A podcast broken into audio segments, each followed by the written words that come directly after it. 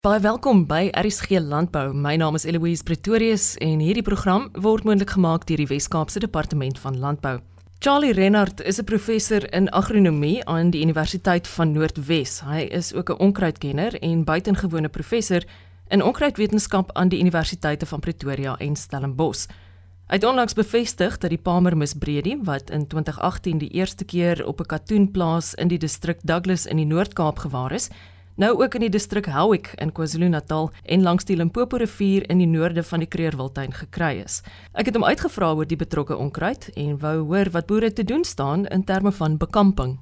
Louise, ja, ons het sedert ons die onkruid die eerste keer in Suid-Afrika ontdek het en dit was vroeg 2018 in die Douglas distrik op 'n plaas daar. Het ons natuurlik uh, dadelik begin om navorsing op die onkruid te doen.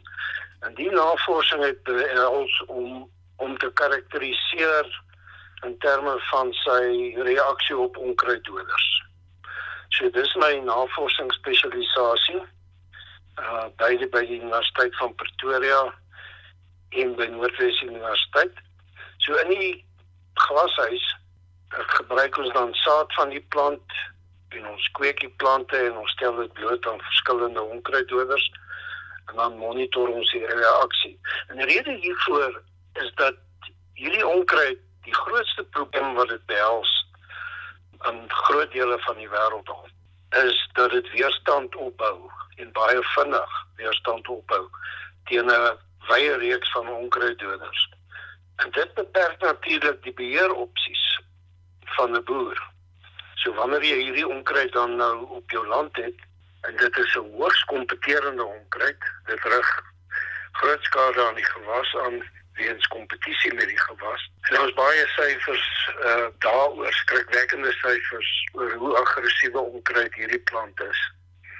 Omdat dit nou vir die eerste keer in Suid-Afrika aangeteken is en waarskynlik vanaf die FSA kom wat dit inheems is uh, gaan dit hierso by ons uh, groot probleme in die toekoms veroorsaak. Dis verseker want die Amerikaners aan die navorsing wat hulle gedoen het, en jy weet die plant is inheems daar. So dis hulle eie plant. En dit het net eenvoudig oorgeskuif van natuurlike omgewings uh, na gewasse en en daar veroorsaak dit regtig so groot probleme vir die Amerikaners dat dit as hulle nommer 1 onkruid beskou word. En nou het ons hom en ons het hom intussen van 2018 maar ons nou die eerste keer in Douglas distrik gekry het. Het ons hom ook opgespoor in Helvik distrik. Dis nou KwaZulu-Natal.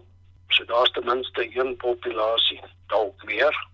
En dan ook interessant genoeg in die noorde van die Kreerwoudtuin in die vloedvlakte van die Limpopo rivier. Nou uh, ons navorsingsspan het nie op hom daar afgekom nie, maar sandparke. So so die basiese vraag wat natuurlik by mense opkom is, hoe het die plant natuurlik in Suid-Afrika aangekom is die eerste vraag.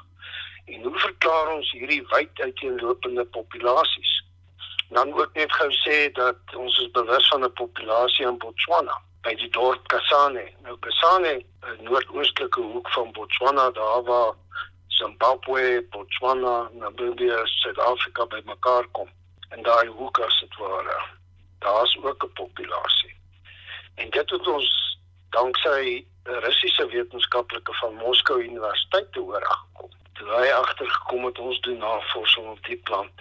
Toe het hy my gekontak en bewus gemaak van daardie populasie. So die vraag is natuurlik, wat gebeur tussen hierdie uiteenlopende punte? So ons is baie angstig om 'n legkaart, dis as dit ware 'n legkaart waarvan soveel stukke nog ontbreek. En om dit reg te kry is natuurlik baie afhanklik van mense wat ons kontak. Jy hoef nie kenners te wees op die terrein op hierdie gebied nie. Ons het natuurlik 'n gids waarin ons uiteen met fotos hoe hierdie onkruid geïdentifiseer kan word en mense kan my kontak en ek sal die gids gratis aan hulle verskaf. So bloot op 'n vermoede dat dit dalk die plant is. Ons baie waardeer as ons gekontak kan word. Charlie, waaraan ken mense hierdie plant uit? En ek wil jou nou weer vra oor die gids. Ja. Maar sê eers vir my, wat is die skade ja. wat hy aanrig? Jy weet, dit is skrikwekkende syfers wat uit die FSA kom. Ons het in Suid-Afrika het ons natuurlik sedert 2018 eenvoudig nie genoeg tyd gehad om hierdie onkruid se skadelike effek op gewasse in Suid-Afrika te bepaal nie. So ons is afhanklik van inligting oorsaaklik uit die FSA. En en daar is 'n syfer wat sê dat jy weet een plant per vierkante meter, dan jy weet daar's 10000 vierkante meters op 'n hektaar.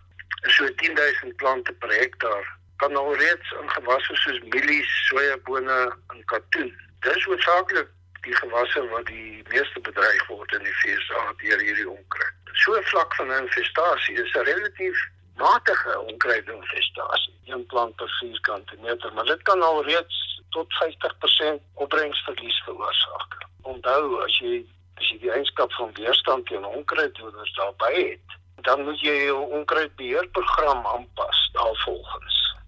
Want jy kan nie aanhou met onkruid wat teen hierdie onkruid reeds uh, weerstand het nie. Want jy gaan hom nie beheer nie en die plante wat daar is, daai een plant per vierkante meter, gaan binne 'n jaar of twee gaan hy 10 plante of 20 plante per vierkante meter word.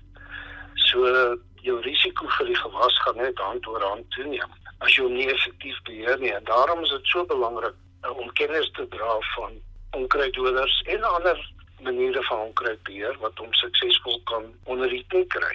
Nou kan ek jou vertel van ons program wat se resultate ons onlangs verkry het met ons navorsing. Ons het uh, in totaal 14 onkruiddoders. En elkeen van hierdie onkruiddoders het 'n ander meganisme van werking. Dan hoor hulle 'n ander manier waarop hulle 'n onkruidplant doodmaak of ten minste beskadig. En hierdie 14 uh, eh, onkruiddoders wat ons gebruik het, verteenwoordig 80% van die mees belangrike onkruiddoders wat tot 'n boer se beskikking is in Suid-Afrika en wêreldwyd. Nou van hierdie 14 was daar duidelike weerstand teen twee. En dis twee baie belangrike onkruiddoders. Die een is glifosaat, seker die mees bekende onkruiddoder wat daar is, eh, en wat wyd gebruik word in glifosaat weerstandige gewasse. Weer die algemene naam wat gebruik word is Roundup Ready gewasse. En dis baie belangrike gewasse daar vir Suid-Afrikaanse boere. En dit is jy kry Roundup Ready soja, jy kry Roundup Ready mielies en ook katoen. En daar is omtrent nie ander tipe mielies wat deesdae verbou word nie. En nou het ons weerstand teen die aktiewe bestanddeel in Roundup en dit is glifosaat. So jy moet dan kyk na alternatiewe. En saam met hom is daar dan 'n weerstand teen onkruiddoder met naam Chlorimiron etiel. En hy is weer 'n belangrike onkruiddoder in sojabone wat natuurlik ook uh, glifosaat weerstandig is. So jy het al klaar in sojabone kan jy dan nou nie as jy hierdie onkruid het in sojabone dan kan jy nie meer glifosaat suksesvol gebruik of chlorimironetiel nie. So jou opsies ten minste wat betref onkruiddoder gebruik word al minder. Twee daar was dus baie duidelike weerstand teen twee onkruiddoders daar wat ek nou verduidelik het. En dan was daar vier ander onkruiddoders waarteen hy baie verdraagsaam was. En dit beteken jy weet dis net 'n kort stapie verder van baie verdraagsaam na weerstandig. So dit is 'n rooi vlaggie wat daar opgesteek word vir daardie vier onkruiddoders wat hierdie Palmeramarant betref wat ons in Suid-Afrika het. En dan het ons daarom die goeie nuus is dat agt onkruiddoders, agt soorte onkruiddoders het daarom nog hierdie onkruid suksesvol beheer. Maar weer die FSA les, daar is gevalle in die FSA waar spesifieke populasies Palmeramarant weerstand het teen 5 te gelykertyd. Geneties is hierdie plant dieselfde as die plante in die VSA. Ons gebruik dieselfde onkruiddoders hier in dieselfde gewasse. So ons beter ons lesse leer. Charlie, hoe weet 'n mens dat die Palmer misbreedie in jou omgewing voorkom? Net gou verduidelik dat Palmeramarant is familie van 17 ander is is deel van 'n groep van 17 ander amarante soorte wat in Suid-Afrika voorkom. En die algemene naam vir hierdie plante is ons noem dit in volksmond misbredie. Hulle hou daarvan om op uh, areas waar daar baie vee, mis van vee is, groei hulle baie goed. Seker van daardie naam misbredie, maar die bredie naam kom af van dat hulle eetbaar is. En dis maar ook en dis baie gewilde groentesoort.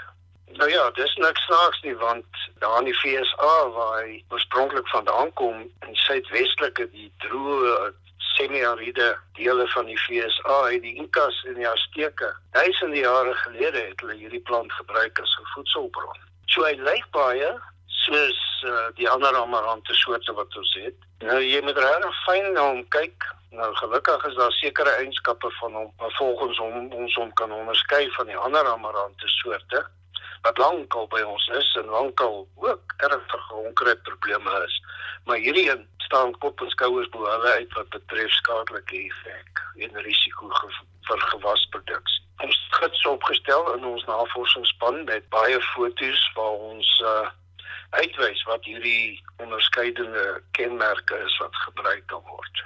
Waar kan ek hierdie gids in die hande kry, Charlie? Jy kan dit by my kry. Ek ek stuur dit per e-pos en uh regtig hy kan maar so wyd as moontlik versprei word. Wat is jou e-posadres? E-posadres is dr.charlie.reinhardt@gmail.com.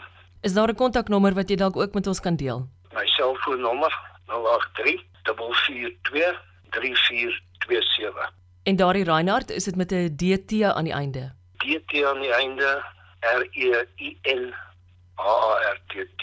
En ek dink wel mense met 'n gedagte hou hier dat daar moontlike oplossings ook daarvoor is en dat 'n mens nou nie op moedverloorse vlakte hoef te gaan sit nie. Daar is kundige nee, mense soos jy nee. wat kan help. Ja, beslis. Jy weet ons wil regtig mense aanmoedig. Moenie huiwer. Stuur foto's. Neem 'n foto, so maklik om vir my 'n WhatsApp te stuur met 'n foto wat sê, "Hoorie, is hierdie nie dalk Palmer Amarant nie?" Ek sal dit baie waardeer en dan kom ons die gesprek verder vat. Indien daar rede is om te vermoed dit kan Palmer Amarant wees, dan sal ons graag na die plek toe wil uitkom en om ondersoek in te stel. So ek wil regtig al die mense daar buite veral mense wat op plase kom natuurlik, maar hierdie plant hou ook daarvan om langs paaie te, te groei, hoor. Om, om ons te kontak, regtig, moenie skaam wees nie. En dan klink dit ook vir my uitkom in verskillende dele van Suid-Afrika voor. So ons kan maar almal attent wees op die jy weet die die ja. moontlikheid dat hy ook in ons gebied gaan gaan voorkom. Ja. Weet jy Louise, as jy nou vat, daai vat neem my populasie daar teen die Limpopo. Nou nou moet jy dink die saad het waarskynlik daar gekom saam met die rivier met die water afgespoel soontoe. So ek kan jy maar net dink as jy hom wil gaan soek. Dink en dink net hoeveel landboubedrywighede gewasproduksiebedrywighede is daar langs die Limpopo rivier, né? En ander riviere wat hom weer voed. So daai Kasane populasie in Botswana kan maklik met riviere en gekoppelde strome by die Limpopo uitkom uiteindelik. En uh, jy weet dit is 'n netwerk van verspreiding wat ons hierna kyk. En as jy onder stroom op die Limpopo vat, dan kan ek jou ook maar vertel van uh, die mees onlangse waarneming wat ons gedoen het in Mapungubwe Nasionale Park. Dit is 'n relatief klein nasionale park wat ook grens aan die Limpopo. Daar het ons hom ook gekry. En ek dink jy kan maar net die Limpopo rivier volg veral gewasprodusente wel nommer 1 langs die Limpopo rivier. En onthou by Douglas nê is die Oranje rivier. En die Vaal rivier sluit mos daar by die Oranje rivier aan by Douglas. Nou moet onthou daar's besproeiingskanale. Dis 'n klein saadjie wat maklik deur die wind gewaai kan word. Binne in die kanaal binne in die rivier en daar gatte so ek dink uh, besproeiingsboere veral is dalk onder die grootste risiko Charlie Renard is 'n professor in agronomie aan die Universiteit van Noordwes en 'n kenner op die gebied van onkruidwetenskap.